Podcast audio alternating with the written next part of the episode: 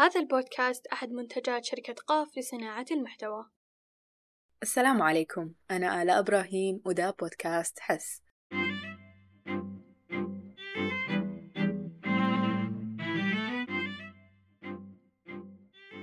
اتكلمنا سابقا عن كون المشاعر طاقة وإنها بتنشأ نتيجة لتحليلنا العقلي لأحداث خارجية أو باطنية أحيانا. لكن هل دائما يستطيع عقلنا تحليل أو تفسير مشاعرنا؟ سؤال تاني ليه بعض المواقف لو حصلت لناس مختلفين ممكن تعطي مشاعر مختلفة؟ كل مرة شعور مختلف على حسب الشخص المتلقي للموقف. في الحلقة دي حافصل بشكل أكبر عن مسببات الشعور. المسبب الأول والبديهي هو المواقف اللحظية الواقعية سواء حصلت لي أو حصلت لغيري خصوصا لو كان غيري شخص قريب مني. فمثلا نجاحي في الاختبارات بيمنحني شعور جيد. نجاح أختي في الاختبارات أيضا بيمنحني شعور جيد. فأبسط وأوضح مسبب للمشاعر هي المواقف اللحظية الواقعية. وليه بقول الواقعية؟ لأنه المسبب الثاني للمشاعر هو الأفكار والخيالات الغير واقعية اللي بتحدث في مخنا. تعرفوا اللحظة دي لما تكونوا في عمق أحلام اليقظة وتستشعروها كأنها حصلت في الواقع؟ أو لما تتخيلوا إنه في شيء سيء حصل وتحسوا بالإنزعاج من الفكرة حتى لو إنها في الحقيقة ما حصلت. أحس مثير للاهتمام والاستغراب في نفس الوقت إنه مخي من جدك ما ميزت بين الحقيقة والخيال وخليتني أتأثر باللاواقع. السبب الثالث هو سبب نوعا ما يلخبط شوية وهي المشاعر الناتجة عن المشاعر فممكن شعوري يتأثر بشعوري. أشرح لكم شوية. ممكن الواحد يتفاجأ من نفسه إنه حس بالشماتة تجاه شخص آخر. ممكن شخص يحس بالخجل من نفسه لأنه شعر بالخوف من موقف يمكن حاس إنه المفروض ما يخاف منه. ففي مشاعر بتسبب مشاعر والصراحة أحس الحاجة دي لطيفة. نجي للسبب الرابع اللي يسبب لنا مشاعر واللي هي الذكريات أو المواقف والمثيرات اللي بترجع ذكريات معينة وترجع معاها مشاعرها. مثال واقع من حياتي في موقف محرج حصل معاي لما كنت في الصف الخامس. وإلى الآن كل ما أتذكر الموقف بحس بالإحراج زي كأنه الموقف حصل معاي حاليا. وفي مرة في المدرسة عملوا لي تكريم مفاجئ وكل ما أتذكر المشهد أحس بسعادة زي كأنه الموقف حاليا قاعد يحصل. فاسترجاع الذكرى زي ما قلنا في الحلقة الثانية عنده القدرة على استجلاب المشاعر اللي حصلت في ذاك الموقف. أما بالنسبة للمثيرات اللي بتسبب مشاعر فهو لما أشياء أماكن صور أصوات أو روائح ترتبط عندنا بمشاعر معينة. واحد من أوضح الأمثلة على الحاجة دي اللي هي الفوبيا. واحد من مسببات الفوبيا هو التعرض لمواقف خطرة أو صدمات بتخلي الشخص ينرعب من حاجات معينة. مثلا لو طفل تعرض لعضة كلب بعمر صغير ممكن تتكون معاه فوبيا من الكلاب لما يكبر. فكل كلب حيذكره بالموقف القديم وحترجع له مشاعر الخوف اللي شعر بها وهو طفل. نفس الشي لو الشخص مر بتجربة غرق ممكن تتكون عنده فوبيا من برك السباحة والشواطئ. فبقيت البركة مثير بيثير شعور الخوف اللي تعرض له لما تعرض للغرق. وعلى سيرة المثيرات اللي بتسبب مشاعر بتذكر أيام المنتديات قريت تفسير لموضوع الحب من أول نظرة. وإلى الآن مقتنعة بالتفسير اللي قريته في المنتدى. التفسير يقول أنه الناس اللي بيثيروا إعجابنا من النظرة الأولى بيحملوا صفات مشتركة مع الناس اللي كنا بنحبهم سابقا. وغالبا الناس دي بتكون شبه أهالينا الأم والأب لأنه والدينا هم أول ناس حبيناهم في حياتنا. وإلى الآن ما لقيت دليل علمي على الكلام ده لكن مقتنعة بكلام المنتدى. السبب الخامس والأخير هو المشاعر المكبوتة اللي لقت فرصة تطلع حاليا. زي ما سألت في بداية الحلقة هل دايما نقدر نحلل عقليا مشاعرنا؟ أحيانا بتداهمنا مشاعر بدون أي واحد من المسببات السابقة لا حصل موقف واقعي ولا تخيلت موقف خيالي ولا استرجعت ذكرى معينة بس مع ذلك ظهرت عندي مشاعر من وين جا الشعور ده؟ تتذكروا لما قلنا في الحلقة الثانية إنه المشاعر طاقة؟ أحيانا المشاعر بتتخزن في الجسم وتنتظر اللحظة اللي تقدر تطلع فيها وفي أقرب فرصة تلقاها بتطلع دون أي سابق إنذار. أحيانا بتطلع مع المواقف المشابهة. فمثلا شفت مشهد حزين في فيلم وأنا أصلا عندي حزن مكبوت. فبحزن على المشهد الحزين حزن مبالغ فيه. حزن المشهد والحزن المكبوت مع بعض. فالمشاعر المكبوتة تستغل المواقف دي عشان تطلع وتتفرغ من الجسم.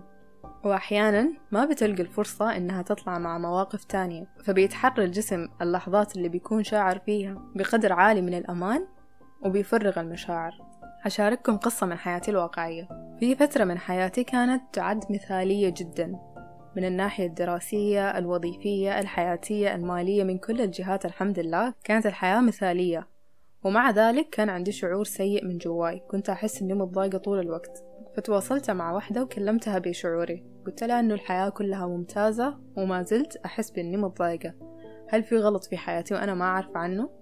فقالت لي جسمك أخيرا حس بالأمان إنه يطلع المشاعر المكبوتة القديمة اللي كانت فيه. فنصحتني أسوي تنفس تحرري للمشاعر اللي كانت مكبوتة جواي.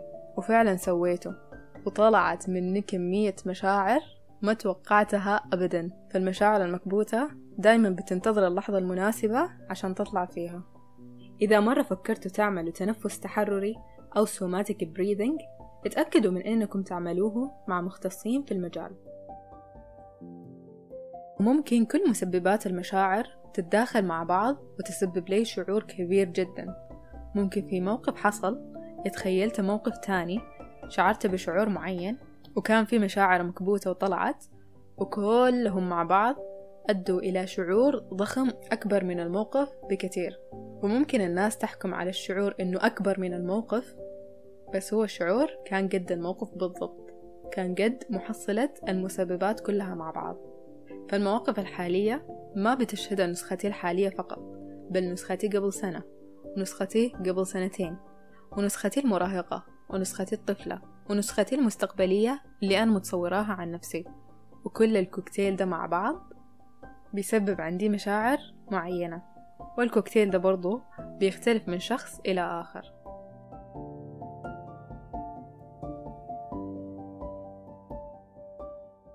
وعلى سيرة مسببات المشاعر حابة أتكلم عن الشخصية فائقة الحساسية.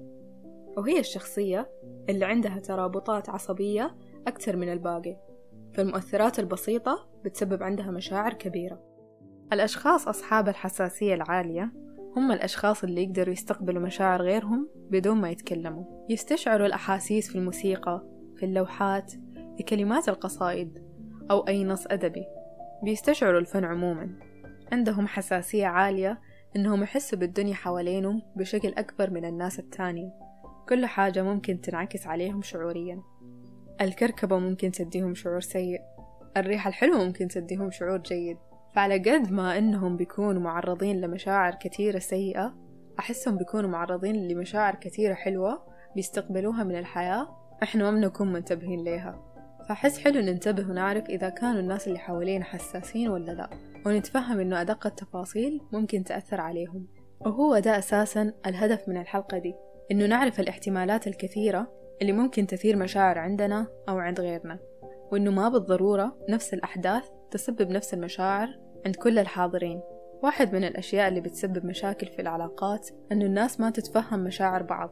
ممكن الشخص اللي معاي يحزن على موقف أنا أشوف إنه ما مستاهل الحزن فأحكم عليه وإنه حساس أو دلوع. ممكن يضحك على موقف أنا أشوف إنه موقف ما يستحمل الهزل فأحكم عليه على إنه إنسان جاف. وكلها أحكام شخصية في النهاية نابعة مننا ومن تجاربنا السابقة. ما فيها أي مراعاة لماضي الشخص اللي معانا والتجارب اللي هو عاشها فحلو يكون في تواصل بين الناس وفهم لمشاعرهم مع بعض عشان نكون أحن على بعض ونتجاوز الأيام والمشاعر الثقيلة اللي بتمر علينا مع بعض. لأننا لسنا وليدي اللحظة وما بنتفاعل على أساسها فقط. إحنا مجموعة تراكمات أحداث وذكريات ماضية هي اللي شكلتنا. شعور هذه الحلقة هو الفضول.